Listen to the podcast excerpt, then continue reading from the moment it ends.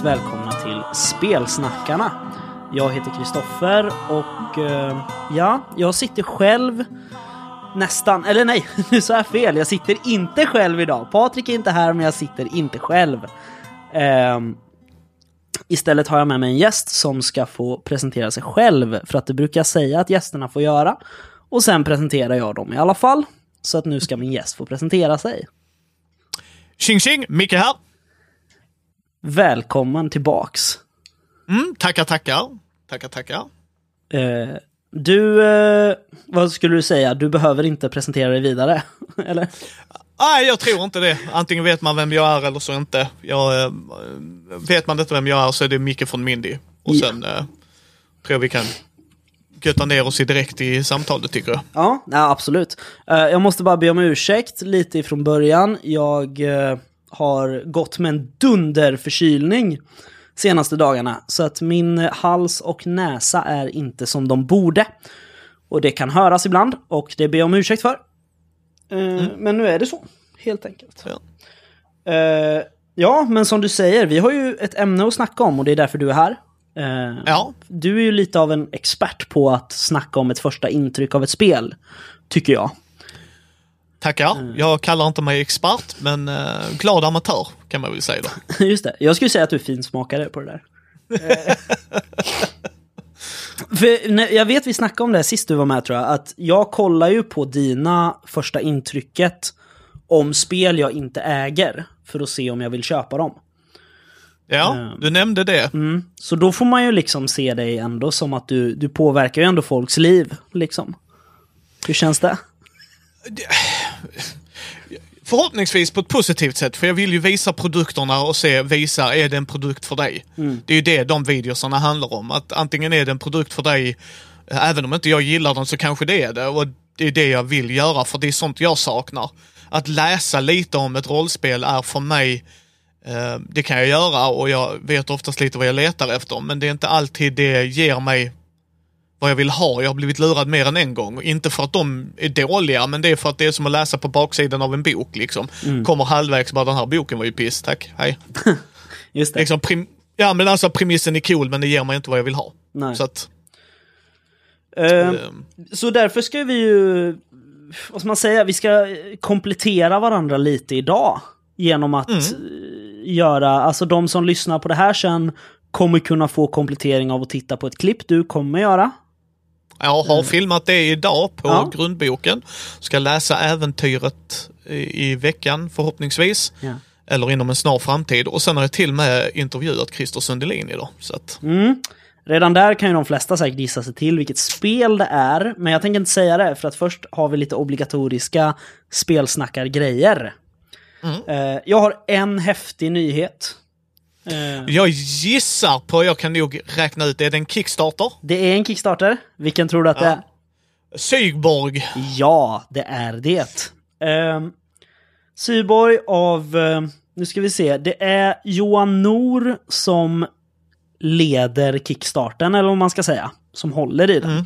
Så jag skulle tippa på att det är han som eh, är inblandad, jag har inte läst så noga, men förmodligen är han lite AD eh, över projektet. Jag hoppas det, för att det, Mörkborg är fantastiskt på alla sätt och vis. Mm, det är sjukt snyggt. Sjukt Ja. jävla snyggt. Eh, men Syborg är ju, det här fick jag ju lite, lite snigel på ögat när jag skrev till Pelle Nilsson som har gjort Mörkborg och bad om ursäkt för att jag hade glömt bort det. Då skrev ju han att jo men alltså Syborg är ju ett hack på Mörkborg. Det är bara ett väldigt ambitiöst hack. Eh, eh, men det går bra för dem. Eh, 100, Ja. 100 000 ville de ha i kronor Ja. för att göra projektet. 2,3 miljoner. de. För det har knappt varit ute en dag eller vad det är va? Nej, det kom ut idag. Nej, i, igår. Uh, Nej, förlåt, igår var det. Så ett dygn Ja. har det varit igång. Eh, skillnaden mot Mörkborg är ju att det här är bara ett engelskt spel. Ja. Det gör mig lite ledsen, för jag gillade Mörkborg på svenska. Jag har läst det på svenska och engelska och jag kände nog mer tillhörighet i det svenska, tror jag. Liksom. Ja, jag håller med dig där. Eh, samtidigt förstår jag varför. Ehm, man får ju inblick när man intervjuar alla dessa fina kreatörer. Att jag, jag förstår varför. Men jag håller med dig. jag älskar att Mörkborg finns på svenska. Nej men och sen sagt, är det ett hack av en spelare, då är det den här Mörkborg Cult som är en Ja. gigantisk folkrörelse i rollspelsvärlden internationellt, eh, så är det ju förmodligen en icke-svensk som har gjort spelet. Liksom. Ja, jag är jätteosäker, men jag får mig Johan och någon annan, så att det är liksom, är det då eh, en icke-svensk så förstår jag det ännu mer liksom. Att ha ett process och översätta till, till svenska, ja. Nej, för det har ju kommit mängder med liksom eh, tredjepartsprodukter till Mörkborg sen det kom. Oh, ja. Eh, Yes. Medan jag har sett ett svenskt supplement som jag inte tänker prata om för att jag vill inte och får nog inte. Eh, men eh, så, så att det är liksom, det är ju ute i världen det, det är stort. Så jag förstår att man gör det på engelska. 100%. Ja, ja. Eh, Men vi får fortfarande tycka det är tråkigt, Kristoffer. Ja, det får vi absolut. Jag tycker det är skittråkigt. Jag hade jättegärna haft Syborg på svenska. Eh, Jag också. Men om man vill vara med och backa det här så har man fram till första december på sig. Mm. Eh, 111 kronor så får man en pdf.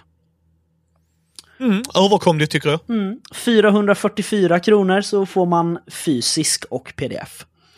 Eh, Jag tycker det är också överkomligt. jo men det tycker jag absolut, för att då, jag tror det ingick lite stretch goals och så. Ehm, då. Det, det är inte allt paketet, det fanns lite fler nivåer här. Eh, men det här är de liksom som jag tycker är mest relevanta. Det är, vad får jag en pdf för och vad får jag en bok för? Ehm, så under 500 spänn så har man fortfarande hela spelet. Så till eh, första december snurrar den. Eh, är det något du har snappat upp som du vill dela med dig av? Något som har hänt, något som kommer hända? Ja, jag vet inte om du följer oss på nyhetsbrevet, men där skrev jag Dungeons and Dragons sjätte editionen ska ju komma. Ah, är det bekräftat nu? Ja, fast eh, inte nu. Vad var det? 2024 eller vad fan det var. Så att Ja. många år framåt. Men eh, de är i works för det. Eh, sen tror jag inte att eh, den nya editionen kommer göra mig mer tilltalig till det. Så att, eh, men, men jag är ändå nyfiken på det. Vad fan kommer de ta det här näst? Ja, alltså jag, jag tycker att 5th edition är ganska bra. Jag vet att jag har också, tillsammans med Patrik, har jag varit ganska DND-kritisk av, ja jag vet inte varför egentligen. Det var nog för att jag trodde att det var mycket mer krångel än vad det egentligen är. Sen är det lite grejer i världen jag inte riktigt ja, men gillar. Det här vi har snackat om tidigare, att, att alla är magiker och, och sådana grejer. Men överlag så är det så här, ja, ska jag spela fantasy med några kompisar liksom och alla har läst DND, då är det ju skitlätt att bara plocka upp den. Ja, jag gillar ju inte D&D för att det är fantasy och att du är väldigt styrd i hur du gör karaktärer. Det är, Mm. alltså, du får inte customisa och jag älskar när man får customisa. Väldigt mycket. Men, men eh, som du säger, jag har spelat det. Vi ska spela det i varannan tisdagsgruppen när den väl kommer igång igen. Då är det en spelledare som vill spela en sandlåda. Alltså, så jag kan ju systemet. Men ehm, det är inte mitt favoritsystem, liksom. Nej. Ehm, Eh. Så att... eh, sen hörde jag ju Patrik, eh, han, han gillar ju Drakar och Demoner och där kan jag också säga det är inte mitt favoritsystem heller. Är Nej. inte ett system, system liksom varje, varje gång så här, ah det är bra. Nej, nej Patrik, nej. Nej, det är okej för vad du har gjort och eh, jag uppskattar det precis som Dungeons and Dragons, men nej, nej. Ja, nej det, det är... Eh, vi, vi ska faktiskt prata om ett, idag om ett, om ett regelsystem som jag eh, tycker är jättebra. Eh, Yes. Och jag tror att du tycker det också. Jag vet inte varför, Amen. men det, jag har fått känslan av att du gillar det här systemet. Eh, Yes, Men- sen innan vi går dit så ska vi dementera en grej här Kristoffer. mm, absolut. Jag har, har inte sagt att jag ogillar västern. Jag vill bara förtydliga det. Jag hatar inte västern. Eh, jag har inte sagt att fjärde editionen är heller är den som är komplicerad. De missförstod mig. Referensen vi gjorde där var att min polare när, när vi pratade om det var att han har spelat First Edition, första utgåvan av västern och den är inte lika lättillgänglig som fjärde, ska vi säga. Vi ska bara dementera detta, för jag har inte läst fjärde än och jag har hört mycket gott om det. Men först, första utgåvan har jag hört var en mardröm i när du skulle skjuta och träfftabeller och allt det där. Så nu är det sagt, Kristoffer. Ja. Jag, Nej men det är så här, du vet, det är lite som så här rykten. såna här saker vi kastar ur oss ibland. Att det är så här, ja men fan sa inte Micke det här när vi pratade med honom? Jo, det gjorde han nog. Så att det är så här, Micke hatar Västern 4, det är kanon. Uh, Yes. så, så att det är så här, nu är det så. Nej, nu är det dementerat. Ja. För eh, jag, eh, sen blev jag lite så här, "Ah, jag kanske inte gilla regelboken riktigt, men eh, ja, ja, den dagen den sorgen när vi kommer till dem i första intrycket. Ja, nej, det finns ju mycket att önska där också, men jag hoppas att du får tillfälle att kika på dem. För att eh, det är också ett spel som gör ganska mycket saker väldigt bra. Ja, jag äger allt, så att yes. Cool. Eh, vi kan eh, faktiskt göra så att innan vi hoppar vidare så tar vi en liten sak till. Och det är den obligatoriska frågan. Har du spelat något trevligt den senaste tiden? Uh, ja, det har jag. Jag har spelat uh, Skrumt med Svartviken. Uh, när jag var på Borås spelkonvent så fick jag spela ett äventyr Moa hade skrivit. Så att uh, det var en otroligt stor ära för mig kan man säga. Alltså för det var de som började, det var den AP-podden jag började lyssna på ordentligt och jag älskar deras sätt att spela. Det är de som har inspirerat Mindy på äventyr bland annat. Och det. Så att eh, det var sjukt roligt att få spela skrumt med Kristoffer. Också han som har gjort spelet. Det var mycket lättare att ha honom vid bordet kan jag ju säga. Ehm, sen eh, har jag spelat det jag och Kristoffer håller på med, som du vet. Ehm, så det kommer också komma i Svartviken lite längre fram. Eh, den lilla hjältegrejen vi håller på med som du också vet om. Ja. Eh, Så det fick vi spela och sen sju helvetes jävla massa brädspel. Eh, Och den sista grejen vill jag säga och den ska vi gå in på. Det var Final Girl med Pontus Kjellberg från Spelhyllan, Anna ifrån Svartviken och Peter och Lukas ifrån Bläckfisk förlag. Vilken jävla spelgrupp! Jajamensan, och vi spelade indiespelet Final Girl som handlar om eh, slasherfilmer. Det att eh, vi ska spela upp en slasherfilm mer eller mindre. Och Ja. ehm, ja, det, var, det var också så jävla asroligt att kunna sitta där och eh, spela med dessa underbara människor. Så att, ehm, nej, det, det var skoj. Ja, Så det att, låter eh, så, grymt. Sån lyx har jag med allt arbete jag gör med Mindy, att jag träffar så underbara människor. Mm. Så att, själv då? Ja, medan du var på Borås spelkonvent var jag på Lincoln. Mm. Jag köpte helkonventspass för vad det nu är, fyra och en halv dag. Jag var nog där en och en halv dag. Ja, men jag, vet inte, jag vet inte varför, jag, jag hade ingen konventsfeeling. Det var i en annan lokal än vad det brukar vara, alltså i en, i en helt annan del av stan. Liksom, och jag, jag bara... Du vet, det är lite som de här jularna när man går runt och känner så här, nej jag har inte julfeeling idag. Det är julafton men jag har ingen julfeeling. Det var lite så här, ja det är konvent men jag har ingen konventfeeling. Uh, men jag hade det mest emotionella och kän... Ja, det är ju samma ord i och för sig. emotionella och känslomässiga. det mest eh, emotionella spelmöte jag någonsin har varit med om. oh, är det Alice is missing? Alice is missing eh, fick jag spela. Konverterat. Inte översatt bara, utan konverterat till spelet Alice är försvunnen. Eh, med svenska platser, svenska namn. För att arrangören tyckte att nej men vi kan high school-filmer. Jag vill inte rollspela en till high school-film. För att det blir Nej. bara en stereotyp av genren, liksom. Eh, så han har då kontaktat eh, liksom eh, konstruktören av Alice is Missing och frågat får jag göra en, en konvertering? Ja, det får du om du håller den för dig själv. Du får spela den, alltså leda ett spel men du får inte dela med dig till någon. Så han har tryckt upp egna nya kort liksom. ehm, Ja. Med rätt layout och allting. Ehm, och vi satt där och använde en app som heter Slack. Eh, för att där kan man skapa sig egna namn. Jag vet, du pratade om det i ditt första intrycket av Alice is Missing. Det här med att byta namn och så. Men i Slack så det är en app man kan helt enkelt skriva in vilket namn man vill och det är det enda namn som syns. Ja. Ehm, och så hade vi på låtlistan och timern. Det finns ju en, en officiell Mm. timer och låtlista. Och i 90 minuter så satt jag bara där och jag var så fast. Det gick upp och ner och jag hade gråten i halsen och vid vissa tillfällen satt jag och grät lite grann. Liksom, och... och eh, ja, det var bara så mycket. Det, var, det är en av de häftigaste stunderna jag varit med om tror jag. Inte bara i rollspel utan överlag i mitt liv. Ja, eh, jag vill, du, du- fick mig att komma ihåg en grej också som jag vill prata om. För att det, jag är sjukt, det jag är jätteglad att du tycker det är bra för att jag är så nyfiken på det. Eh, jag är alltid en människa som är nyfiken på nya grejer. Och när man ser det liksom där, enda jag avskydde i regelboken, jag tror jag sa det också, är att de refererar till att du ska byta nummer. Man bara, "Det- Jesus fucking Christ, där är så många appar. Skitbra att du sa det med den appen liksom. Men alltså där är så många appar. Why? Why ska jag byta mitt telefonnummer med någon jag inte känner? När man kan, alltså förstår du liksom? Det är Ja. så här, ah, eh, det- går att komma runt så jävla hårt med så mycket, men skitsamma. Mm. Eh, för, för det är en sån grej som verkligen irks me. För jag, jag förstår att de inte vill kanske säga Messenger, men det går att säga app. Alltså, Mm. folk fattar, använder och sånt. Men vi spelade ett indiespel också, för jag skulle säga att det är Alice is Missing i ett indiespel. Ja, ja. Eh, även, även om det är från Renegade Games som både gör brädspel och rollspel. Och jag har för mig det är de som ska göra Transformers och G.I. Joe i rollspel. Oj. Inte Ja, Fria det har Ligan jag. som ska göra dem. Eh, nej.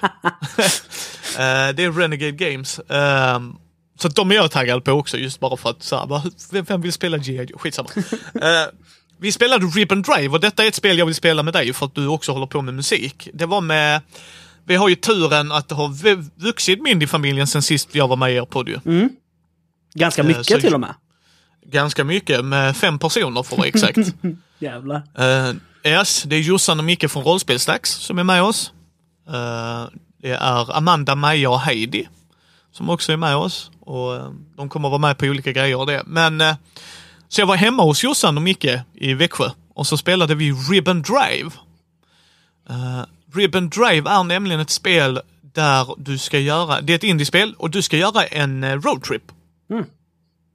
Men vad som bestämmer varför ni gör denna resan och vilka karaktärer som är med är att man gör en eh, ett mixed tape.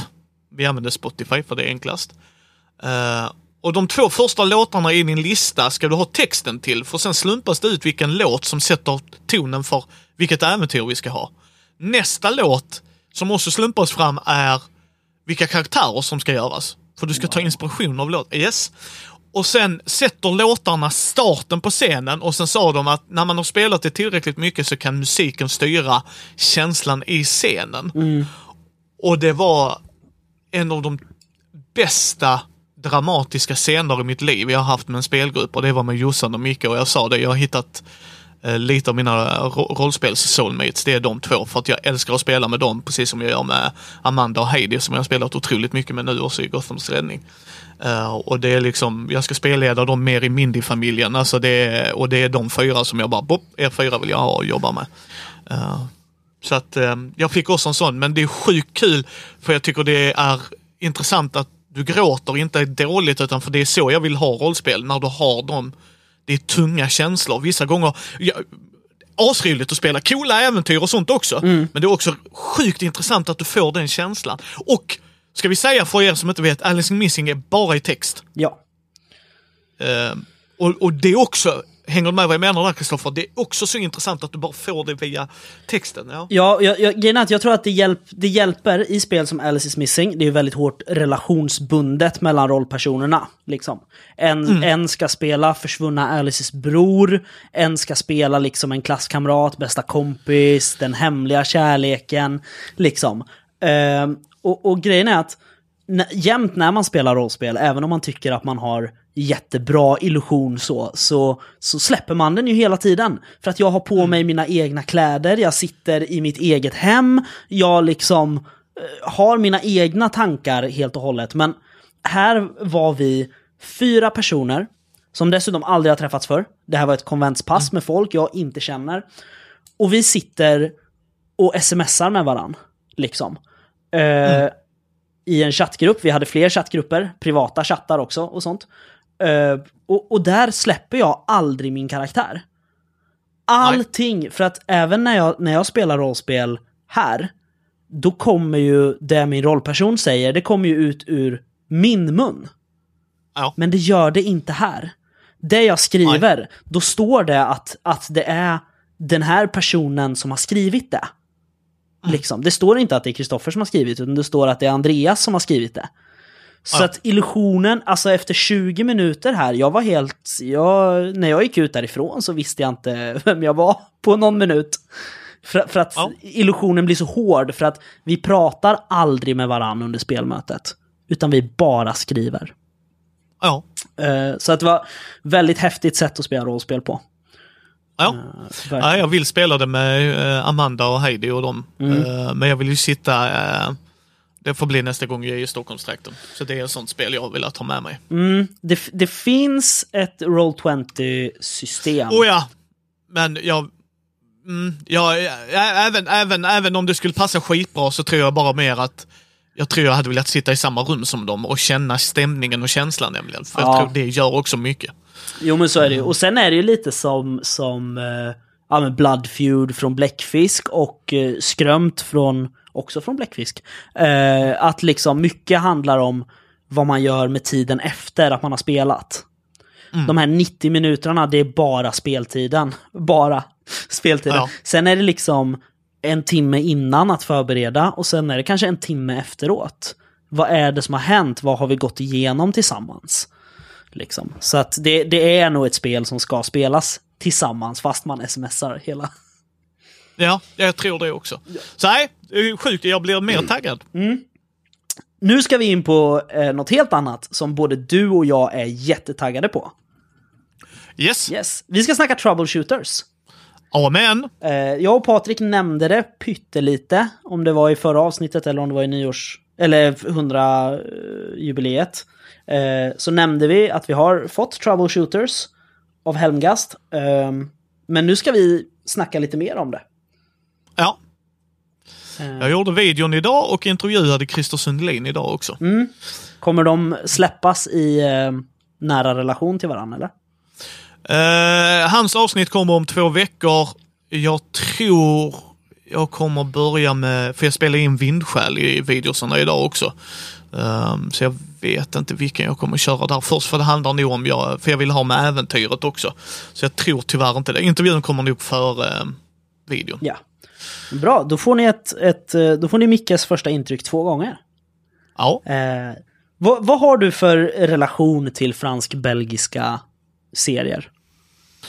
Ja, Jag växte upp med Tintin och Spirou och Gaston och alla de ju. Alltså, eh, jag vet inte om Asterix och Obelix räknas där, men eh, de, eh, så de serierna har jag ju växt upp med.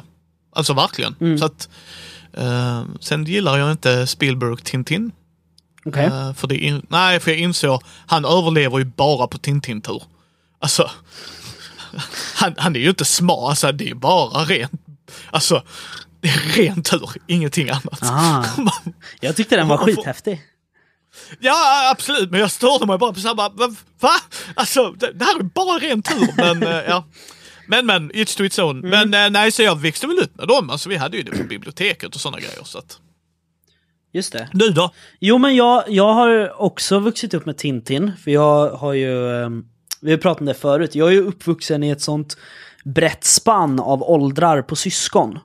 Eh, Så fastän jag växte upp på sena delen av 90-talet och 00 så hade vi fortfarande Super Nintendo och VHS hemma. Liksom. Eh, ganska länge. Och då hade vi ju några Tintin VHSer och jag älskade ju dem. Jag tyckte Tintin var så jäkla häftig. Eh, Och sen av någon anledning, jag vet inte vilken, så för något år sedan så bara snubblade jag över eh, Emil Bravos eh, Spirou-serier. Hoppets tid. Ja. De nya som kommer nu. Eh, helt nyproducerade liksom. Och mer i Tintin-stil än vad Spirou har varit innan. Av någon anledning. Jag vet inte varför, men jag, och jag säger inte emot. Jag bara diggar. Eh, så efter det blev det väl mycket större. Så att jag skulle säga att jag är i- min prime av att gilla den här typen av serier. så att det här spelet kom ju verkligen i rätt tid för mig. Ja. Eh, men vi tänkte ju snacka lite om grundboken Jajebox. idag. Eh, vad vill du börja med? Vad är ditt absolut första liksom... Det första du tänker på, det första du känner, ser, tycker? Ehm, det här spelet är exakt vad det säger att det ska vara. Och alla vet ju att per spelsnackar-definition så betyder det att det är ett bra spel. Eh, Ja, för eh, oj, sen är det each to its own, men jag sa detta till Christer och jag säger det i videon och jag säger det nu. Det här spelet är precis som Vindsjäl, det låtsas inte vara någonting annat än vad det är. Både Lukas och Christer i det här fallet har varit väldigt tydliga genom hela boken. Allt ifrån eh, stilen, alltså illustrationerna är fransk-belgisk stil. Jag sa det till honom när jag såg Kickstarter-bilderna för första gången. Trodde jag att han hade köpt rättigheterna till de gamla. Alltså på den nivån tycker jag verkligen att de har lyckats. Men sen samtidigt genom hela produkten får du se hur Christer har tänkt man ska spela spelet. Du kan alltid göra din egen tolkning, du kan alltid göra din egen take on it. Och jag tycker det är väldigt bra att man kan, men jag hatar när rollspelsböcker inte är tydliga med vad de vill göra. Varför ska jag spela ditt spel? Vad är det du vill förmedla med ditt spel? Och han lyckas rakt igenom i hela produkten. Punkt. Ja, eh, jag kan inte annat än att hålla med. Eh, och vi får ju till och med en liten visionspresentation i början som liksom förord typ. Eh, Alltså, den introduktionen är en av de bästa jag läst. För du lär dig spelet, kort och gott. Väldigt simpelt, inte jättemycket detalj, men du får en feeling för det. Fem färdiggjorda karaktärer om jag minns rätt. I alla fall x antal färdiggjorda karaktärer. Alltså med stats och allt. Om man bara, det här är... Alltså det här sätter ju tonen direkt. Vad är det jag får när jag köper boken? Jo, kolla här. De första sidorna. Så att nej, jag gillar början också. Mm, ja men precis, för att det är fem karaktärer som liksom berättar boken för oss, typ. Yes, Eh, Elektra, Jurika, Paul, Harry, Annifrid och Eloise. yes, Eh, och förstås eh, Graf von Sadrich. yes. Eh, ärkeskurken. Det, det, yes, och han är the director i alla sådana, spelledaren då i alla sådana grejer. Och jag tycker det är så stilfullt gjort.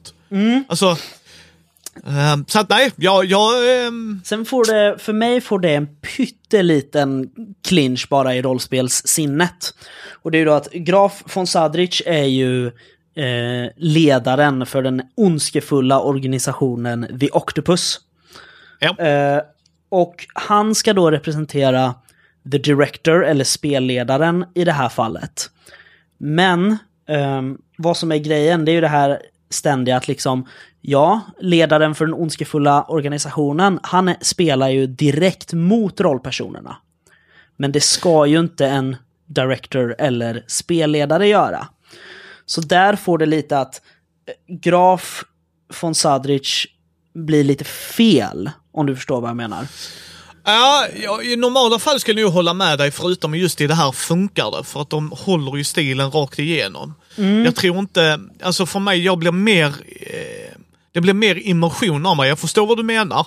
Men immersionen är ju mer att de etablerar alla de här eh, ka- karaktärerna istället för att det är Christer som sitter där. Hänger du med? Utan det är stilen rakt igenom. Ja, ja, jag- alltså jag uppskattar stilen. Det är bara att det, det, blir, det är inte så att det här har förstört hela läsupplevelsen för mig, utan det är mer så här bara, men om det här representerar spelledaren, varför ska han porträtteras av någon som agerar emot rollpersonerna då? När spelledaren inte riktigt... Eller ja, mot rollpersonerna agerar ju spelledaren förstås, eh, men inte mot spelarna. Ehm, ja, det kan vara så att den där clinchen är lite onödig. Det, jag säger inte emot det, men... Eh, det, Nej, det, var men min it's to första, det var min första reaktion när jag liksom läste att oh, jag kommer representera det här. Ehm. Men, men, Men sen, ja. sen, sen tror jag vi ska se det ur det abstrakta. De spelar ju egentligen inte. Det är ju det. Mm. De, de är ju där, så det är ju det, de karaktärerna. Så även om de låtsas spela vid bordet så är det ju inte det. De gör ju faktiskt grejerna ju. Ja, det är sant. Ehm, Men, men jag förstår dig, du har en bra poäng. För att Christer, eh, som i Hjältarnas tid, det här är ju ett samberättande rakt igenom. Så det är ju inte ett, eh, som du säger, det, det är ju egentligen inte eh, Octopus-stilen att nu ska jag göra allt i min makt för att krossa er. Så Nej. du har ju en poäng i det. Nej, men för, det är ju som du säger att exemplen som dyker upp, då är det ju de här rollpersonerna eller karaktärerna och eh, då eh, van Sadrich, Sidrich, Sadrich. Eh, och då är det ju skrivet i pratbubblor, exemplen. Ja. Och jag tycker det är så häftigt för att jag tror till och med att de gör så här definitionen att ja precis, en av de första rubrikerna är This doesn't look like a comic book. Yes. nej, men, nej, det är inte det. Däremot så är det ett rollspel som är inspirerat av serietidningarna.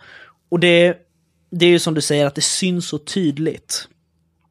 In, Ja, ja. Inte bara att det är ett rollspel i vilket man ska eh, liksom spela äventyr som finns i serietidningarna, utan det finns mycket liksom utseendemässigt och uppbyggnadsmässigt som påminner om en serietidning. Mm. Ehm, och jag gillar det. Ja, ja, nej, jag eh, tycker de har gjort ett jävligt bra jobb med det. Eh, jag tror jag sa det här när vi tittade på det först också. Och det, det är att jag stör mig lite på att det är eh, eh, verbsammansättningar. Eller inte sammansättningar, eh, förkortningar. Sammandragningar heter det. Ehm, att det står don't, doesn't, didn't.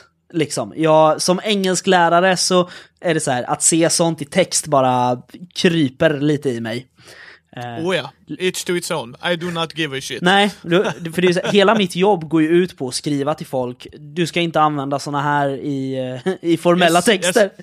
Jag, jag, jag, jag förstår dig, jag förstår dig. Jag, nej, nej, jag kan verkligen förstå dig, men för mig som inte bryr sig, hänger du med så bara... Mm, Det, men, men ehm, Precis. Eh, Men... Alltså jag uppskattar det mesta i den. Alltså jag uppskattar lättheten i att skapa en rollperson. Det är liksom, vad är det, nio steg tror jag. Ehm, och det är så här, steg åtta är optional. Så att det är liksom... Ja, men jag, jag tycker som du tittar, det är ju, är ju en modifierad version av Hjältarnas tid. Mm. Så kan man Hjältarnas tid kommer du känna igen dig. Där är två grejer som sticker ut väldigt mycket. Och det är plot hooks, Ja. det är hur du startar äventyren. Och story points. Men annars är det, sen tror jag skadan är annorlunda också. Jag, jag har inte spelat Hjältarnas tid, men när du rullar skadan, Kristoffer, Eh, då är det antalet eh, som du rullar, så slår jag 5 och 11 är det 11 skada, eh, 5 och 6 så är det 11 i skada jag gör va? Ja, precis. Det, de, man, man plussar tärningarna, ja. Ja, det gör man inte här Nej. utan du ska ha fyra eller högre och sexor är exploderande. Men annars, annars kommer du känna igen dig, alltså verkligen liksom. Och, och jag bara, jag älskade, ehm, jag vill säga arketyper. Och det är det nog på svenska va? Ja, det är det. Ja, precis. Arketyperna. För att det är ju verkligen, och de trycker ju på det. Och det, det måste jag ge Christer props på igen, och jag sa det när jag intervjuade honom. Han trycker ju på väldigt mycket vad spelet är. Du är en människa i världen 1965, en alternativt universum, vilket jag älskar att de gör. För då kan du ha en historieprofessor där och bara haha, skit ner dig, för att det hade inte vår historia. Eh, och, och, och jag förstår varför, för att det underlättar ju för en spelledare där att nej men vi kan göra precis vad fan vi vill för det är en alternativ värld, nu kör vi. Men, men de trycker hela tiden på att du är en människa plus. Alltså, du är inte Stålmannen, men Tintin är ju lite bättre än gemene man. Ja. Eh, Sen kan jag ju säga att det är för att han har 700% i tur. Men, men, men skitsamma, förstår du vad jag menar? Och jag gillar det hela tiden när man läser. Liksom att, nej, nej, men alltså ni, är, ni ska ut och äventyra. Ni är olika karaktärer. Och jag gillar det i arketyperna, att det är verkligen så bara, nej, de är annorlunda. Eh, sam Och- samtidigt som det mixas med en tanke och en explicit uttalad text. Det är så här, ni hör inte till någon organisation, ni är Yes. inte med i en så grupp av äventyrare. Ni är bara vanliga människor som bor på en detaljerad adress i Paris. Yes. Liksom, och, och, och så snubblar man bara in på det. Precis som Tintin. Ja, T- Tintin letar ju aldrig efter äventyren, utan han bara ramlar över dem. Verkligen. yes. Yes. Så att nej, jag, jag, gillar den helheten som fasiken. Att där är verkligen i processen som du säger där med karaktärsskapande, det är simpelt, du kommer in i det eh, och du har de tydliga arketyperna och illustrationerna bara hjälper till som fan. Eh, så att nej, jag gillade den delen jävligt mycket. Jag är så sugen på att spela Troubleshooter faktiskt. Jag också. Ja, vi måste säga det om illustrationerna. Det är ju Ronja Melin framför allt. Eh, Ja. Men det är också ganska många andra eh, som har hjälpt till. Men det, det är ju Ronja Melins prägling, får vi väl säga, eh, på det. Och hon har vuxit så otroligt mycket som illustratör för mig bara det här året. Ja, Jag eh, gillar Blood Feud-omslaget. ja, jag ja, eh, har, har ju haft jag har haft turen att ha eh, Ronja på besök här hemma och kunna intervjua henne. Så Mm. att, eh, hon är sjukt trevlig person. För- För jag, Eh. jag tror att mina första så här, det var när jag såg eh, Järn och så Hjältarnas tid. Mm. Eh, och det, det är väl en väldigt kantig manga kan man väl säga ungefär. Ja, Eh, och, och det var det han ville åt ju. Ja, Så att, eh, och- och din feeling är ju inte fel. Nej, och väldigt länge så var det så här, ah, okej, ja men det här är Ronja Melins stil. Sen kom Blood Feud. eh, och jag bara, wow, vad fan hände där liksom? Det är ju fin konst liksom, det omslaget. Eh, och sen kommer Troubleshooters, så att det är så här, sen har hon gjort mycket däremellan också. Uh, säger inte att Ronja Melin har, har gjort tre typer av illustrationer, men, men liksom de här tre är så breda och det är så stor skillnad på, på alla tre. Eh, Mm. Yes. Så jag tycker att de alla är avgörande liksom. Så att det är, det är fantastiska illustrationer som verkligen, som du säger, skapar serietidningsfeeling. Yes, det framhäver hela boken. Eh, utan dem så hade det nog varit svårt att leverera hela känslan som Christer vill åt ju. Utan det, det, det slår eh, bollen, det blir en homerun liksom. Eh, så, så jag gillar den. Eh, jag gillar också, det är mycket grejer jag gillar med denna. Eh, verkligen liksom, för att du har, vad ska man säga, liksom sättet, hur de beskriver allting. Så här, nu, nu ska du göra en, en lägenhet till en NPC eller, eller förlåt, till en rollperson och det. Ja men då använder de redan de karaktärerna så att du får det i kontext och jag tycker det bara bygger vidare på det. För jag menar man ska komma ihåg, det här utspelar sig 1965. Jag är äldre än Kristoffer. Hur gammal är du? Jag är 27. Ja, du är född 94 va? Ja. Ja, du är lika gammal som min lillebror. Eh, jag är sju år äldre än dig. Och vi växte ju inte ut 1965. Men du får en tydlig genomgång hur det är. Vad som finns, vad som inte finns, hur pengar fungerar. Alltså, du, och det är inte så här... Vissa spel, jag tittar på dig, Fantasy Flights Age of Rebellion, som borde skjutas åt helvete. Så är det så kompakt med text. Alltså det är så här, det är nästan du vet en facklitterär bok. Ja. Som har, fast det vill jag inte ha i ett rollspel. Jag vill att du ska ge mig tidbits. Och det har de verkligen lyckats med, tycker jag personligen. Liksom. Så, här fungerar, eh, hur, så här fungerar det när du reser. Eh, järnridån är fortfarande uppe. Liksom, muren har inte fallit än. Alltså det är så här, de här organisationerna finns, MI6, MI5. Alltså, du får kort och koncist men matnyttig information för att sätta tonen för det, tycker jag personligen. Ja, och du får 19 sätt att säga ways of saying by God without using God på franska. Yes. yes. Eh, ja, men, och, och vi har liksom vanliga svordomar, eh, 60, 70, 80-tal. Vi har en, en jävla kalender över 1965. Alltså, Yes. det, det, det är så otroligt mycket. Och viktigt att poängtera är väl att det här är inte det 1965 som, som har hänt. Det är Ja, väl väldigt precis. viktigt att poängtera. Eh, Ja, det är en alternativ tidslinje. För 1964, det börjar, jag tycker det kapitlet börjar så jävla bra. Måste sätta tonen där. Att det var en fransk kombination med japansk eh, astronauter som landade på må- må- månen 1964. Man bara, japp, där, ni har redan satt, det, spel, det spelar ingen roll. Eh, Alltså, bam. Eh, och, och jag tycker det gör, du, du har rätt, det, det ska vi trycka extra på. Och, och för mig gör det inget, det är tvärtom väldigt uppfriskande. Ja, precis. Alltså det... det... Jag gillar det här med, med lite lek. Och det, grejen är att det är väldigt många spel som är sådana spel utan att man säger det explicit. Liksom, alltså... Eh, eh, ja men Leviathan är ju också ett sånt spel. Eh, och Bortom. Liksom. Chock åter från graven är också ett sånt spel. Det är ett spel där det har eh, klivit upp eh, massa lik ur sina kistor. Men det har ju aldrig hänt i den här världen. Liksom. Nej. Eh, bara det att här går man tillbaka historiskt och petar på en särskild händelse som har förändrat hela världen. Liksom. Ja, och sen skapar de ju länder som inte finns. S- Eh. Som, eh, vad heter det då? Syldavien är Tintin är va? Och det finns inte.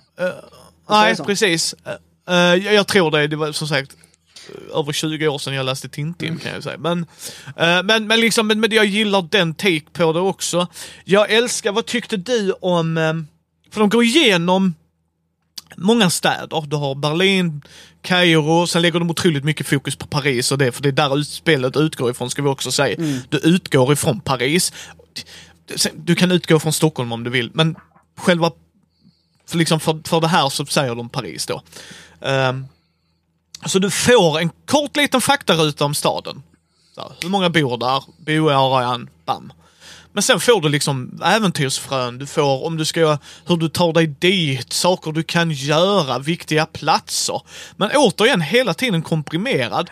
Det är typ så här, en och en halv, två sidor på sin topp, förutom Paris och Frankrike för där går det mer ingående ju såklart. Men och för mig var det bara så här, pang, så, det är så jag vill se att dessa kapitlen ska vara. Ge mig det jag behöver. För om jag vill veta mer om Berlin kan jag googla det. Mm. Jag vill bara ge mig tidbitsen, ge mig det jag behöver och sen bam så kör vi. Uh, och just de äventyrsfröna är ju så fantastiska. Ja, verkligen. För det finns ju små, vad ska man säga, små äh, äventyrsfrön till varje stad va? Är det inte så? Ja, tre, fyra stycken per stad och där är till och med en forskningsstation mitt ute i ingenstans. Mm. Vilket jag också tyckte var så sjukt intressant att man får... Alltså, X14. Där är, ja, och för mig var det bara så här, jävla intressant tanke. Uh, sen ska det ju sägas också att detta trycker ju väldigt mycket på genom hela boken också att det är inte onödig drama i grupp peppen, utan det är verkligen upppeppat. Alltså att det är så här, haha, nu ska Kristoffer ut på äventyr! Vi ska rädda världen, vi har en lastbilschaufför, en engelsklärare, woo! Nu kör, alltså, och det är den känslan de vill. Sen kan jag ju säga dig, hade jag spelat dig så hade du fått ha mycket drama ändå, för det är det jag vill ha i spel. Och det säger han att man kan ha ju. Yeah. Alltså Christer är väldigt så här, men det är ju inte hans version av det och det köper jag. Eh, men det är det jag menar, att de är väldigt tydliga rakt igenom även där ju, så att... Nej, jag, alltså jag, den här produkten var detta var nog denna produkten på mycket länge som jag fick exakt vad jag förväntade mig. Mm. Uh, ja, jag håller med som sagt, för det är så här, du vet, man jag kikade på kickstarten, då var det ingen sån här instant buy för mig. Utan jag gjorde en late pledge när kickstarten var slut liksom, för att det var så här, ja men det verkar ju kul. Men sen hade mm. jag hela den här Spiro-upplevelsen av de nya eh, Spiro-albumen, då började jag köpa på mig för att Kobolt förlag ger ju ut de gamla Tintin-albumen i hårdperm. Mm. Så då köpte jag ju på mig liksom mina favoritalbum som jag kommer ihåg som barn och, och läste dem liksom. Ehm, och då, efter det, då blev det ju så här, fan det här spelet, varför backade jag inte det för? Jävla idiot.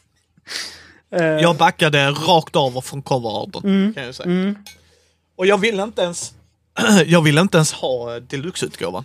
Nej, eh, då, är, då är det lila och så är det The Octopus-märket på. För, yes, och det är säkert en snygg bok, men den coverarten, mm. Ja, den är fantastisk. Det, det är en kaosdag i Paris kan man väl säga.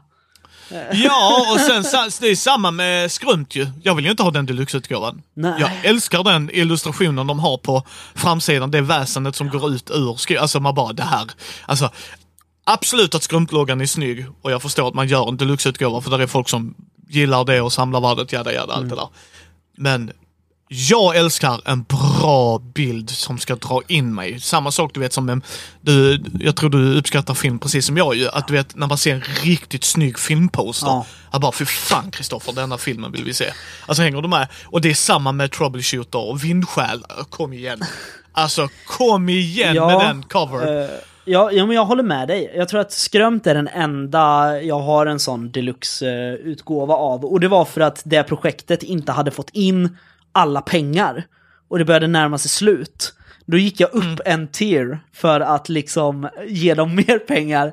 Eh, och så nu ångrar jag mig då och vill ha standard, men eh, det är så mycket nya spel som kommer så jag har inte riktigt råd att yes. ha två utgåvor av samma. Nej, nej, jag förstår det. Jag förstår. Jag ska... Det är som Kultivinity Lost, du vet, bibelversionen. Ja, wow, vad häftig den är. Ja, jag bara, bara, jag kan inte rättfärdiga det. Jag vill ha så många andra spel. Jag vet, Petter Nallo försökte få mig att köpa en sån på Gotcon en gång. Eh, ja. och det var så här 20 minuter av att stå där och klia sig på hakan och bara ja.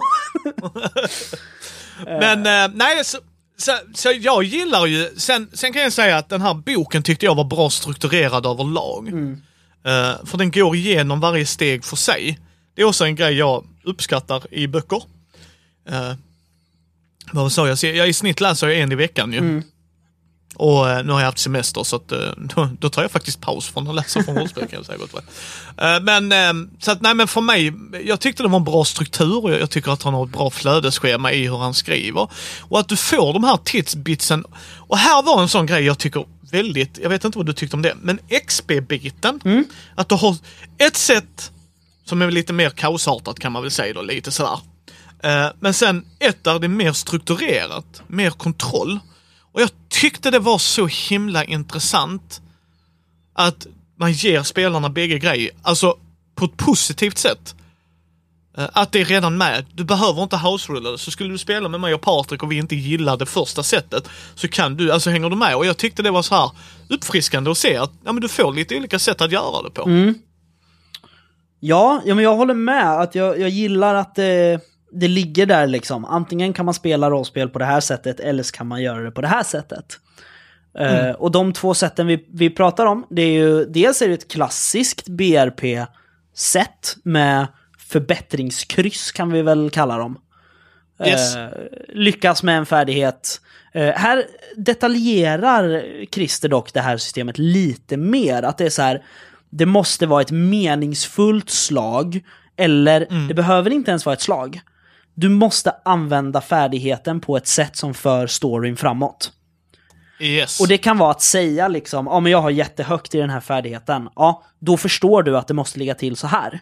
Och att ni måste åka hit. Mm. Då kan man sätta ett kryss. Och så efteråt slå högre ditt färdighetsvärde, höj med en T6. Alltså, det, mm. jag, jag gillar det systemet. Uh, men om man inte gillar det, då finns det ju experience också. Ja, och, och jag tyckte det var uh, uppfriskande att se att en, en, en konstruktör har faktiskt sett bägge sidor av det och inser It's to its own, att det drar inte ifrån dig om du vill köra med XP-systemet. Vi får fortfarande samma känsla vid bordet, för XP är inte det som för storyn vidare egentligen. Mm. Och det är också en grej, eh, när jag läste plothooksen från början. Det var annorlunda att man väljer att lägga fokus, för plothooks gör så här, när du skriver ett äventyr, eller får ett färdiggjort äventyr, så ska spelarna, karaktärerna ha plothooks och det finns inte oändligt många utan det finns här, välj en, kanske två, eh, när du gör din karaktär.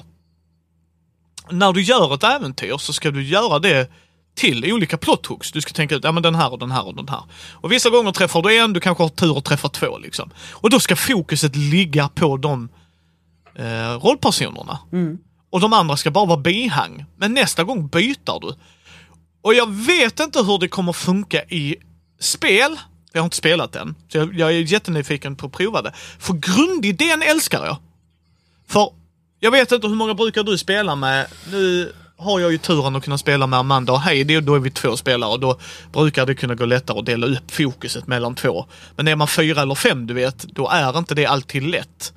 Och är då premissen att du och Patrik ska tjäna, ja då är det ju eran äventyr. Mm. Nästa så är det Micke och Jossan. Hänger du med? att Då brukar ju folk kunna ha mer överseende med det, för reglerna säger det. Ja, precis. Nej men för vi, vi eh, jag har ju ökat i antal. Förut så var vi ju tre.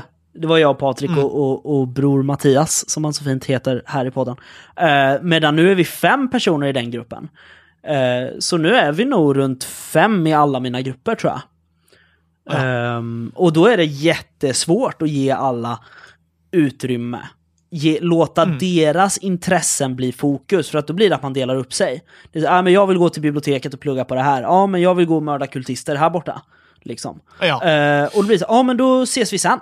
Och då försvinner ja. äventyret. Medan här är det som sagt, de här plotthuxen, det finns elva stycken. Och jag tror inte att det ska komma några fler. Jag tycker det är fantastiskt. För att de här är ganska generella. Liksom. Ja. Arch Enemy, The Octopus. Eh, liksom, de här är... Du har varit på deras, under deras radar liksom. De vet vem du är. Och det här kan användas på alla möjliga sätt. I ett av äventyren som har kommit, det har släppts tre stycken, ett demoscenario, ett startscenario och ett officiellt äventyr som är släppt. Um, ja. Och i ett av dem är det så här, ja ah, den här personen du känner vill träffa dig och ge dig information. När ni träffas blir hon skjuten av någon i The Octopus. Ja. Och det är liksom ett resultat av plothooken Arch Enemy The Octopus. Yes. Ehm, och det går att vrida hur mycket som helst. Alltså jag, har, jag håller på med ett troubleshooters-äventyr eh, där The Octopus har uppfunnit tidsresor. Eh, för att det är en sån grej de kan göra. För att det finns ingen gräns på det de kallar för weird science här i. Liksom. Ehm, och då, då kommer en Octopus-medlem till rollpersonen som har Arch Enemy The Octopus som plothook. Fast ser minst tio år äldre ut än när rollpersonen såg den här personen sist. Och säger, Ja. du satte mig i fängelse för två år sedan och eh, eh, nu tänker jag åka tillbaka och se till att du inte lyckas med det, haha. Och sen försvinner han igen. Puff, liksom. Eh, och, och det är så här, det är också en variant på bara den här plotthooken. Ja, och, och sen gillar jag ju det i hur han har skrivit, eller hur de har skrivit Octopus. För, eh, jag behöver inte spoila så mycket, det tycker jag bara är onödigt, där får folk gå in och så. Men själva strukturen att det är olika celler. Ja. Att det gör att du kan göra en sån grej och sen kan jag göra mitt äventyr en helt annan cell. Som gör en helt annan scheme, en helt annan plan. Och för mig, ja, jag tyckte det var genialiskt. Att du får tillräckligt för att veta hur strukturen fungerar. Men du får inte allt skrivet i sten. Nej, och, och jag tror att, att oddsen för att någon i äventyr, om det inte är en längre kampanj där man ska störta hela Octopus, men det vill man inte för att då är spelet slut. Ja, precis. Och, och jag tror han till och med skriver det. Att du vill inte att skurken ska fångas. Nej. Nej. Alltså all, alla gånger liksom och så. Så att ja. Precis, så att, att han, eh, eh, von Sadrich, liksom, han behöver inte ens vara med i några äventyr. Han behöver aldrig synas. Han, han bara sitter där och klappar sin katt i liksom hög-hög-kvarteret. Medan alla de vi träffar, det är liksom eh, kaptener, löjtnanter i de här cellerna. Liksom. Ehm, så att det kan ju pågå i oändlig tid, det här hotet från The Octopus. Ehm, Ja, och, jag- och jag tycker det är, det är en intressant take on it. Och det är samma sen med story points. Just det, för det sa du var en intressant ny regel till det här systemet. Eh, och då Yes. måste vi prata om det. Yes, för det är ju att du får börja med fyra för max har 12. Och du kan få det genom att antingen aktivera ditt trubbel, din komplikation så att säga. Det kan vara eh, att du misslyckas med ett slag och så har jag för mig. Men dessa story points i alla fall gör ju det, jag snackade med Christer om detta innan idag så att det är lite mer färskare i mitt huvud. Eh, och att han menar ju liksom att det, det är gjort för att det ska spenderas. Det är inte som hjälte, det kommer från idén med hjältepoäng. Som finns i massa andra system. Men detta är tanken att det ska vara en egen ekonomi. För till exempel blir du fångad av skurken. Så får du nio. Och de hjältepoängen gör att du kan fly, för att du kan betala lite mindre för att göra en mindre förändring i scenen, eller mer för att göra en större förändring i scenen. Och jag tycker sånt är så härligt att se, för att det uppmuntrar till ett samberättande som jag vill åt. Vill man inte åt det så grattis folk, ni kanske inte kommer gilla detta lika mycket som jag. Men jag älskar det med rollspel, för vi sitter, jag kan ha bestämt ett äventyr, jag kan ha gjort förberedelserna, jag kan ha gjort handoutsen. Men Kristoffer och Patrik när de spelar med mig är med och göra berättelsen. Jag har bara ramverket. Sen kan jag kasta de papperna åt helvete kanske, eller så bygger vi vidare på det, eller ja du vet vad jag menar va? Så just den biten var sjukt intressant. Ja, och, och just det här som du säger att det ska vara en omsättning av de här. Det är inte som i Trudvang där du får fyra raud i början och då är det så här, ja, om du vill spela en kampanj nu som sträcker sig i 20 år, då får du fan hushålla för nu finns det inte fler. Eh, Precis. Medan här är det liksom, ehm, man har ju good karma och bad karma. Det är ju i princip perfekt och fummel. Eh, fast Ja. inte... Jo, jo, men det är det. Ett lyckat där Ja. ental och tiotal är samma. Och ett misslyckat där ental och tiotal är samma. Oavsett om det är bra eller dåligt så får du en story point. Yes. Ehm, liksom. Och som du säger, blir man tillfångatagen då får man nio. För att det är ju liksom, då bestämmer ju jag som spelledare att ah, nu ska ni vara oskadliggjorda. Ja. Ehm, och ett av de här demoscenarierna, eh, Escape from eh, Mont Blanc heter det, finns att ladda ner på Helmgasts hemsida. Ehm, där, är det, där börjar man tillfångatagen. Då är det så här, ah, ni är alla tillfångatagna av The Octopus. Eh, därför börjar ni med nio story points var. Liksom. Så det, det är lite så här ett belöningssystem under hela spelets gång.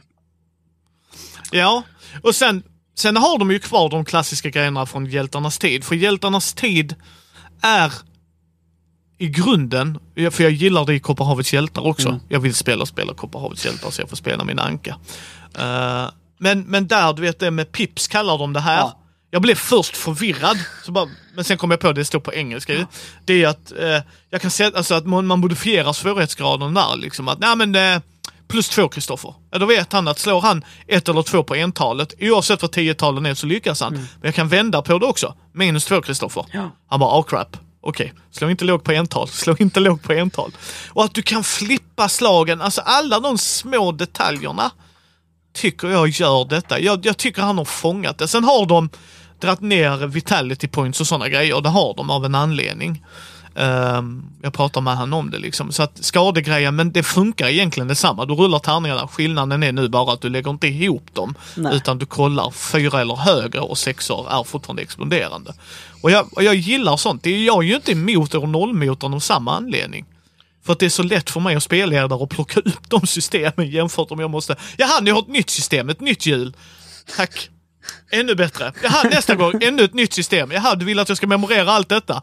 Medan när de tar och bygger vidare på någonting, förstår du vad jag menar Kristoffer, så är det så här.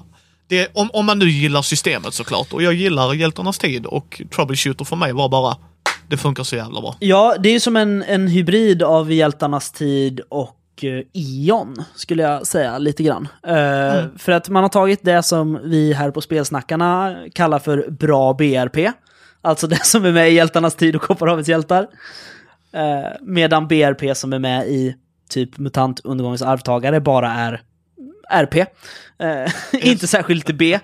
Eh, liksom, då, då, och så är det de, eh, de obegränsade T6orna från E.ON.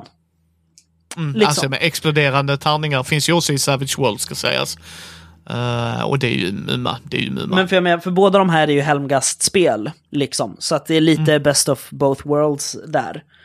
Ehm, och, och ja, men jag, jag uppskattar det. Jag uppskattar också att på de um, officiella troubleshooters-tärningarna, där är ju fyror, femmor och sexor markerade som att ah, det här är en träff. Så att man behöver inte ens komma ihåg regeln för vad det är man träffar på. Nej, och jag tror till och med sexan är väl mer ifylld så att du ska fatta att den är ännu viktigare. Ja, de uh, fyror och femmor är ju ett uh, crosshair på. Och Ja. sexan är det ju en explosion på, för den exploderar. Eh, Yes. Så att det, det, det, det är liksom, man har flyttat ut tydligheten från reglerna till tärningarna och jag tycker att det är superhäftigt. En grej jag också älskar med det här, eh, det är ju karaktärsplaner. Mm. Att det är pass är så genialiskt så att det gör ont nästan. alltså, alltså det är så sjukt jävla bra. Ja, För här har du en... Jag älskar handouts i rollspel. Om jag kan göra en bra handout och ge Kristoffer kommer jag alltid kunna alltid vilja göra det. För att det kommer göra att Kristoffer är mer involverad i scenen. Han kommer ha något att klämma och känna på. Eh, förstår du vad jag menar Kristoffer? Alltså att du har, du har något. Och det, jag fattar att det är inte för alla och så, det köper jag. Men för mig är det det. Och jag säger inte att allting ska vara det, men när du har ett karaktärsblad som är ett pass. Och när man känner i det så är det passkänsla. ja.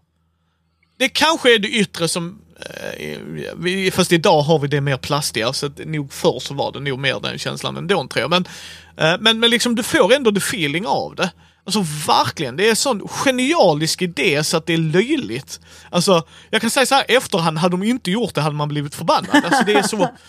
Nej men för att, det, jag sa det till Christer, det här är ju ett av de få karaktärsblana kaninöron som du bara kan stoppa i din ficka och gå. Du kan sätta det i jackfickan, sen är du klar för troubleshooter. Mer eller mindre. Du kan ha tärningarna med dig i en annan liten tärningspåse. Och sen en pedda och ett sudd. Liksom, that's it! Du, du är redo att gå. Du är klar för äventyr. Ja, du kan ju vika ett Dungeons and Dragons papper. Eller vilket annat, det är ju inte bara Dungeons and Dragons. Du kan ju vika ett karaktärsblad. Ja. fast allting är klart. Och sen som han sa, när du gör handouts med du vet, flygbiljetter. Du kan ju lägga det i, alltså det är så, och sen stämplarna och allt det där. Man bara, det här är så genialiskt. Och att när du, förlåt, För du vet när du kommer, om, om, om du, du har passet, du ska gå fram till mig, jag spelar tullaren. Eh, Min pappa är gammal lastbilschaufför. Han har ju kört i Europa under, eh, eh, alltså då när järnridån fortfarande var uppe och så. Alltså de tittar ju i ditt pass. Kristoffer, vad gjorde du i Hongkong för tre dagar sedan? Varför var du i Japan två dagar senare? Är du en smugglare? Alltså hänger du med? Ja. Det gör de ju fortfarande, alltså, fast innan du kommer till flygplatsen mer eller mindre. Men, men, men där får du vet den taktila känslan. Du lämnar över, jaha, här har vi Kristoffer Hermansson, 27 år säger du. Vad gjorde du i Hongkong för tre dagar sedan? Så "Eh, business? Alltså du vet såhär, det blir en grej Ja. av det. Så jag gillar den som fan. Ja, men jag gillar också, och bara där visar man ju också hur, hur ambitiöst det är, för att det här har de inte ehm, släppt så offentligt, utan det ligger ju på hemsidan. Men, men det finns ju ett travel set också. Eh, jag köpte det också, för jag tyckte det, det var värt. Det är en liten pouch, Yes. liksom, en liten ficka i rött eh, Yes, som man hade material. flygbiljetter och sånt för Exakt, där sitter också ditt Air Majestic Membership Card. Eh, Yes. Liksom, och, och där i kan du lägga... Det finns ju en pdf för Air Majestic flygbiljetter. Yes. Liksom. Och, och jag tycker det är så grymt, så jag har ju en plan att jag ska... Eh, man ska ha en benefactor i mitt äventyr och då eh, att jag verkligen går in och skriver i de här flygbiljetterna, Mm. namn och grej, allting liksom. Eh, för, för att, ja, vilken känsla. Yes, ja, jag håller helt med. Håller helt med. Gillar också att det, förlåt, eh, det utskriftsbara eh, karaktärsbladet är liksom Expresspasset. ditt emergency passport. Det är så här, åh, Yes. ja, det här ser ju inte ut som de riktiga. Nej, det är för att det här är ett, det, det du kan begära ut lite snabbare. Det har i princip en sida för visa stämpel och så har det dina färdigheter och lite grundinfo. Eh, medan det andra är 26 sidor långt tror jag. Ja. Eh, och jag, och jag, jag diggar det. Jag, alltså, jag, alla de små detaljerna. Sen så har jag tittat på spelledarskärmen. Uh, jag stör mig inte på att det står troubleshooter på franska eller på engelska i något av hörnen. Det skiter jag i. Uh, det rör mig inte. Däremot så stör jag mig på att det står på engelska och franska inne i pärmen. Mm, jag förstår varför hela tiden. Jag förstår att det är så här. Annars måste du trycka dubbelt, det kostar. Jag köper alla de bitarna. Men jag sa det till Christer. It still irks me. jag förstår varför. Irriterar mig fortfarande. Ja, för, för boken kommer ju på engelska och franska. Eh, liksom. Yes. Och det är bara För engelskspråkiga att som har den fått. franska är inte färdig än va? Än så länge Helt enkelt. Ja, Och jag, jag vet inte varför, om det är produktionen eller vad det var, men han sa det. det vi, vi som har beställt på engelska har fått det. Eh, men Mm. Ja, det kommer även på Eh, franska. och och jag, jag tror väl att eh, i förhållande till att eh, göra spelledarskärmar så är det väl hyfsat billigt att trycka böcker. Liksom. Så jag tänker väl att det är därför. Yes. Yes. Men, eh, men det är, Ja, det- så det den det. har man gjort tvåspråkig från början. Eh, men jag förstår eh, Mm. din känsla där också. Eh, sen stör inte det Mm. mig lika mycket som att eh, det har spelloggan på utsidan. Hur, hur många spelledarskärmar har du? Hur många skulle du tro? Ja, Mellan men tummen eh, och 15 pekfingret? kanske? Ja, jag tror jag har 45 stycken. Tro mig, i det här fallet kan jag faktiskt hålla med dig att de inte hade behövt spela, eh, skriva troubleshooter. För det är sjukt Ja. tydligt vilket spel det hade tillhört. Men eh, du vet när jag har så flera skräckrollspel, så bara, vilken var denna till nu? Och så måste jag aktivt leta och bläddra tror jag. Så här, du vet, bara, Just det. Är det den? Är det den? Sådär. Men, men, men jag kan förstå dig. Jag, jag, jag förstår vad du menar. Eh, och jag kan absolut förstå om du stör dig på att det står att de skriver det dubbelt. Eh, och också så här, ja, det, det träffar dubbelt så hårt. Så jag kan förstå det, men jag stör mig inte på att det står. Det värsta för mig, jag, jag tycker det är mer okej, jag vet inte hur du känner där. Det är mer okej att det står troubleshooter än att det hade stått ja. hemkast. Precis. Liksom, förstår du? Alltså, om, om jag ska välja mitt gift, hellre bara titeln. Ingen streckkod, ingen, ingen logga. Bara titeln på spelet. För att loggan kommer vara på boken. Du, du kommer, där är ingen jävel som bara, vet du vad jag vill ha Kristoffer? Troubleshooter spelledarskärmen. Jaha, boken då? Nej, fuck den. Alltså det är liksom ingen Nej. någonsin som kommer säga det. vad samlar du på? Spelledarskärmar jag aldrig kommer att använda. Bara jaha? Nej men så är det ju. Men, men oftast så. är det för att jag tycker att de sabbar en så snygg bild. Uh... Ja, Alltså på Call of Cthulhu Sverige hade det verkligen mm. skurit sig ja, den, ännu mer. Den uh, gillar jag. Just I... för att det är en så fantastisk bild. Ola Larsson är grym på Lovecraft. Uh, och hade det bara mm. Call of Cthulhu Sverige, Eloso förlag, då hade man ju bara kräkts yes. varje gång man behövde ta fram den. Då hade jag hellre spelat yes. utan skärm resten yes. av kampanjen. Ja, men jag tycker de har lyckats. Jag, jag kan, jag, mm. Nej, men här är det liksom, som jag sa när jag och Patrik pratade om det lite snabbt sist, att, att det är en så fantastisk illustration. Det är en hel scen som pågår på den här vertikala spelledarskärmen. Mm. Och så bara, bam, text, bam, text i två jävla hörn. Yes, där ser jag det mer som mm. ett filmintro. Så att du vet så här klassisk från den tiden, gamla Bondrullar. Uh, så att, så, så, att det för mig, för mig gör det inget. Alltså i det kontexten. Medan i, i Call of Cthulhu Sverige hade det skurit sig just för att jag inte ser det mm. som Alltså hänger du med vad jag menar? Så det är så jag ser de grejerna oftast. Det är därför ur Varselklotet och Flodskörden inte stör mig heller. För jag ser det mm. som en 90-talsfilm. Så då ska det bara pa ur Varselklotet av Nils Hintze, Freja, alltså det är man bara okej, okay, jag, jag, ska, köper det då. Jag ska försöka titta på mina spelledarskärmar med det perspektivet, för jag har nog aldrig gjort det. Um, det, kan ju, det kan ju skapa något helt nytt här för mig ju. Fan vad spännande. Ja, ja, nej, nej, men det är så jag väljer att se det. Alltså att det, det, för mig är det hela tiden så jag, jag, jag kategoriserar mycket grejer. Liksom sådär. Alltså, för, jag, för jag håller med dig, hade de gjort så på Call of Cthulhu mm. Sverige hade jag spytt. För att det är verkligen så det skär sig. Inte ens en skräckfilm hade gjort det. De hade mm. inte gjort så, förstår du vad jag menar? Och nu kommer vi gå här i skogen, vi har lyktan och så bara BAM! Call of Cthulhu-filmen var bara, det hade ju inte äh, hänt. Alltså, alltså Cabin in the Woods.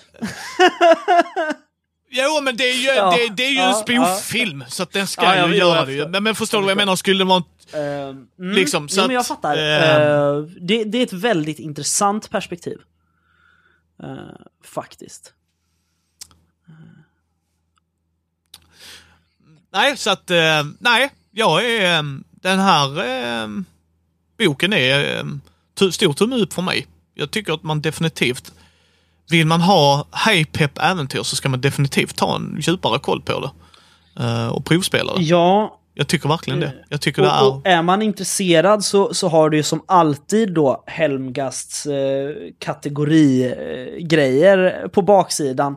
Liksom, yes. vad är det här för typ av produkt? Vad är det för genre? Vad är det för spelnivå? Vad behöver jag för tärningar? Hur många spelare och vilken ålder? Liksom. Och ja. du får pdfen med. Att inte fler bolag gör det, där är många, mm. många av de stora gör, ska skämmas. För jag, jag tittade på ett 5E-supplement mm. där alla spelar djur. Fast i en renässansera. Oh, wow. Och jag bara, vänta, vänta. Kan jag, kan jag, Ja, kan, kan, kan, jag få spela Anka i en renässansera? You had me. Och de bara, ja och så kostar boken då för en italiensk så här, bolag. Okej. Okay. Ja, då kan du köpa boken för 500 spänn, för typ 50 euro. Ja. Sen får du köpa pdfen för 25. Man bara, fuck you. Nej. Alltså sorry, men det finns inte. Alltså, köper jag fysisk produkt ifrån er hemsida, då ska ni fan i mig inkludera pdfen. Allt annat är bara Ja, trams. jag håller med där. Jag, jag, ehm, jag förstår inte varför. Eh, jo, jag förstår varför. Det är för att då kan man sälja mer och eh, att tillverka saker och sälja dem, det är alltid en ekonomisk risk. Eh, så jag förstår ur det perspektivet. Men ur det andra perspektivet, att det här med att göra köparen och spelarna nöjda, förstår jag det verkligen inte. Nej, men jag, jag skulle säga samma grej där. Jag, jag köper inte det även om de ska trycka upp grejen. För jag betalar mm. redan för den tryckta produkten. Så om den tryckta produkten kostar mig 800 spänn, så har jag betalat ja, tryckkostnaden. Ja, ja. Jo, det absolut. ingår i det priset. Ja, ja, så att jag menar så pdfen det kan de gärna ta halva priset för. Och ja, vi kan diskutera i oändlighet vad, hur mycket en pdf ska mm. kosta för att det ska vara värt det. Och sådana grejer. Jag menar om vi tittade på eh, Apocalypse World, eh, svenska översättningen. Eh, ja, de fick ju en hel del kritik för att de mm. tyckte pdfen var alldeles för dyr. Uh, och, och, det kan jag väl köpa av så, It's to its own och där är illustrationer och det. Men jag menar när du köper en fysisk produkt och de har pdfen, arbetet, det är ju den de har tryckt. De har ju inte gjort Nej. en special-pdf. Och då blir det så här, och så får jag inte den inkluderad, skämtar ni? Alltså nej, jag tänker inte betala hälften så mycket igen, alltså en, en 50% extra bara för att få alla pdf-er. För att jag menar, jag läser ju på pdf mm. och har boken vid bordet. För jag vill kunna gå överallt med, alltså jag har ju min surfplatta och den kan jag ha med mig överallt. Om jag åker, ska jag åka upp till Linköping och hälsa på dig som jag tänker göra någon gång. Ja men då kan jag ha med min, min, min OneDrive som har 400 gigs rollspel. Alltså hänger du med? Det är ju löjligt vad jag kan ha med mig. Medan sen älskar jag att hålla i boken, du vet så här, jag samlar ju på mina rollspel ju. Men, men så här, så att, att de bara lägger med den direkt tycker jag är fantastiskt. Så hatten av till. Ja, Fria Ligan var ju tidiga med det och de hade men... ju filosofin att eh, liksom, ja men vad fan om du har fyra kompisar som ska vara med och spela och så ska alla gå hem och göra rollpersoner, liksom, ska de behöva köpa varsin bokjävel? Nej, skicka pdfen som du får av oss till dem bara. Liksom. Uh, men, och Helmgast gör ja. ju också det här, det är lite olika sätt, men det är föredömligt i varje fall. Att i Kopparhavets hjältar tror jag att det var ett klistermärke med en QR-kod på insidan av permen. Har jag för mig. Uh, I ja. Eon 4, uh, eh, genom vind och glas och eh, stoft och sot, alltså Sylfens vrede. Där var det så här pyttesmå frimärkslappar med QR-koder som ramlade ur bara när man öppnade boken och man hittade dem inte sen, så man blev sur. Eh, I Troubleshooters var det liksom flygblad basically. Med här är din QR-kod till pdfen av den här produkten. Liksom. Så att jag, jag tycker att ja. det, det, är ett helt fantastiskt sätt att jobba på. Sen tycker jag att de behöver eh, komma på ett sätt att göra det på. Liksom. Um, jag har nog inget emot om det skulle vara en tryckt QR-kod eller en, en fastklistrad på insidan av permen. Um, lite i troubleshooters kanske, för att där är ju permen, eftersom det är inspirerat av comic books, så är det ju persongalleri och lite scener och sånt. Som man hittar i Tintin till exempel. Ja.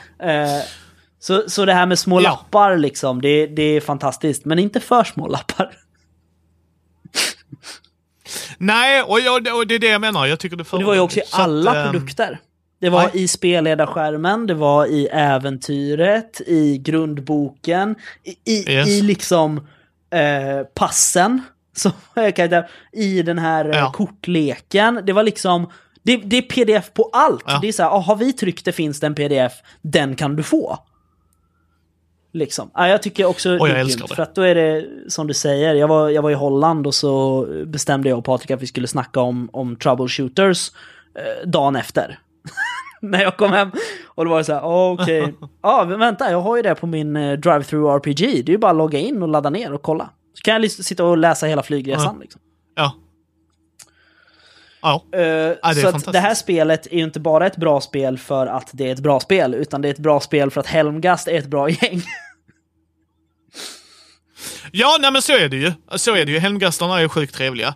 Uh, så att jag tycker definitivt, vill man höra det spelas så har Svartviken ja. blivit spelad av Christer Sundelin.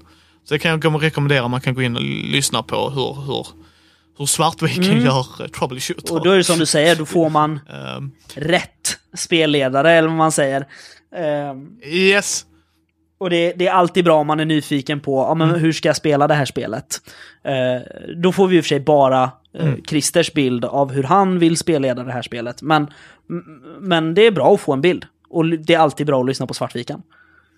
Eh, vi lägger en länk till det ja. avsnittet eh, här. I det här avsnittet.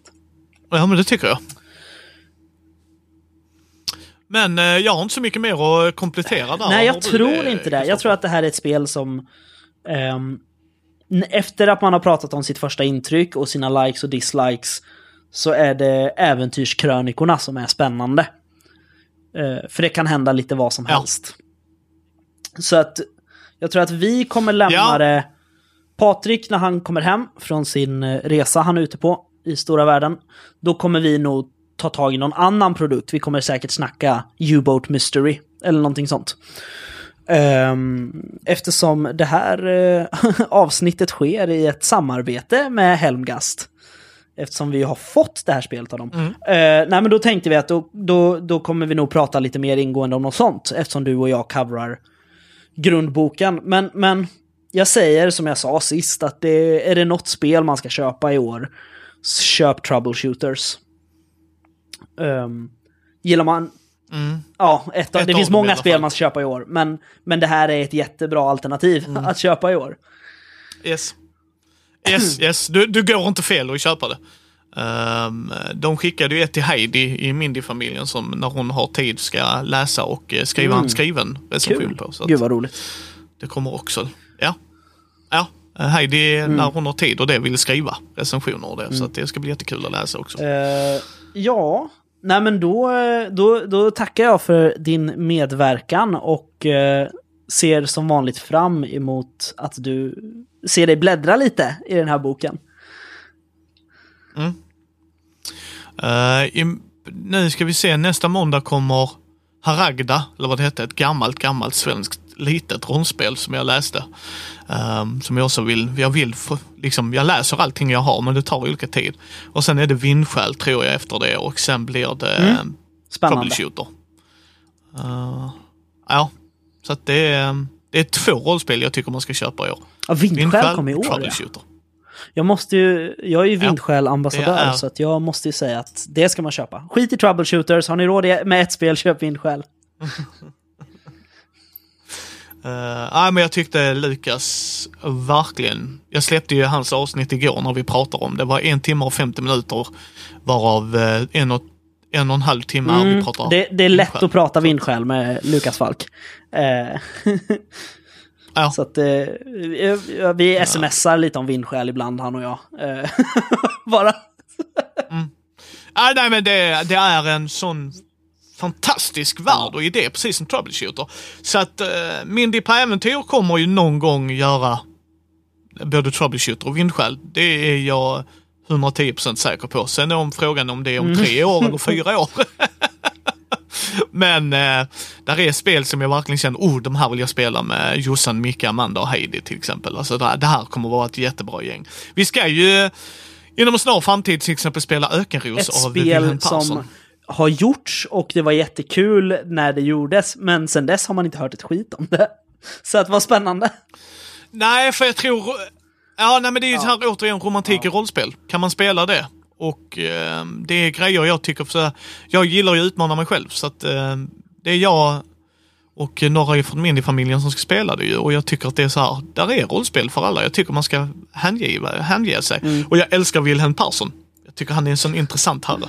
Så att, Ja men alltså, han har ju inte gjort ett enda spel Nej, som jag, jag har inte lik. läst så många. Jag har läst Höstdimma, Kuf och eh, Cyber. Har jag nog bara läst. Eh, jag har läst eh, alla, tror jag, förutom Köpman i röd zon. är det enda jag inte har tittat på ens. Um, det roliga var eh, i rollspelsdags eh, Discord så hade Samuel en tävling med de andra om de kunde gissa spelen i hans hylla. Uh, och de fick googla Satan. Och sen var det, jag jobbade den dagen, så skrev de Sumnen Mindy Micke, för det är det jag heter på Discord. Uh, och så hade jag helt, vet så jag jobbar, jag, när jag jobbar jobbar jag 13,5-14 timmar liksom på en dag. Uh, så jag kom in där på söndagen och då var det ett spel kvar. Och de bara, ah, vi hittar inte det. Du vet, så här, han försökte ge dem ledtrådar, klippte bort titeln. Och jag går in 10 sekunder igen, ah, det är The Academy av Wilhelm Persson. Och någon bara, är du säker? Och så bara, ja, jag är 100% säker på det. Och det var någon som bara, ja det är det. Och så, och så gick jag igen och bara, ah, har det gått? Nu ska jag gå vidare liksom. och jag, jag säger det till folk, han är en intressant spelskapare. Så shoutout till dig Wilhelm. Um, ja, verkligen. Jag, jag gillar också också Wilhelm och hans spel. Yes. Uh, faktiskt. Yes. Så Gothcon 2022 som vi hoppas blir av, hoppas jag att Kristoffer tar sig dit. Och eh, att Wilhelm tar sig dit så man kan få träffa mm. honom in person. Uh, ja, det, det, det, har jag gjort när jag var på Gothcon sist. Så det, det är alltid trevligt. Yes. Uh, faktiskt. Mm. Uh, men tack så jättemycket för idag, Micke. Du eh, fyller ut Patriks skor bra när han inte är här. Det är andra gången du hoppar in för Patrik va? Tror jag. Är det no- Uh, nej, ja. Eh, Du har varit med som Kanske. gäst också när Patrik har varit med. Men nu, nu tror jag att du är med själv istället för Ja. Patrik andra gången. Eh, eh, Ja. Vi lägger lite, lite länkar förstås till Mindy. De, de delar av Mindy som är intressanta. Och ehm, ja, tack så jättemycket för att du ville vara med. Tack själv Kristoffer. Eh, vill Tack man oss på mycket. Spelsnackarna någonting så kan man gå in på Messenger och skriva till Spelsnackarna eller hitta oss där eh, via facebook.com spelsnackarna eller mejla oss på spelsnackarna gmail.com. Man har nu en månad på sig, tror jag, att slutföra sitt juläventyr att mejla till Spelsnackarna. Valfritt system, valfri setting, så länge det är julrelaterat på något sätt. Och det ska gå att spela på en kväll. Eh, och med det så säger vi tack och hej då för det här avsnittet. Hej då! Hej då!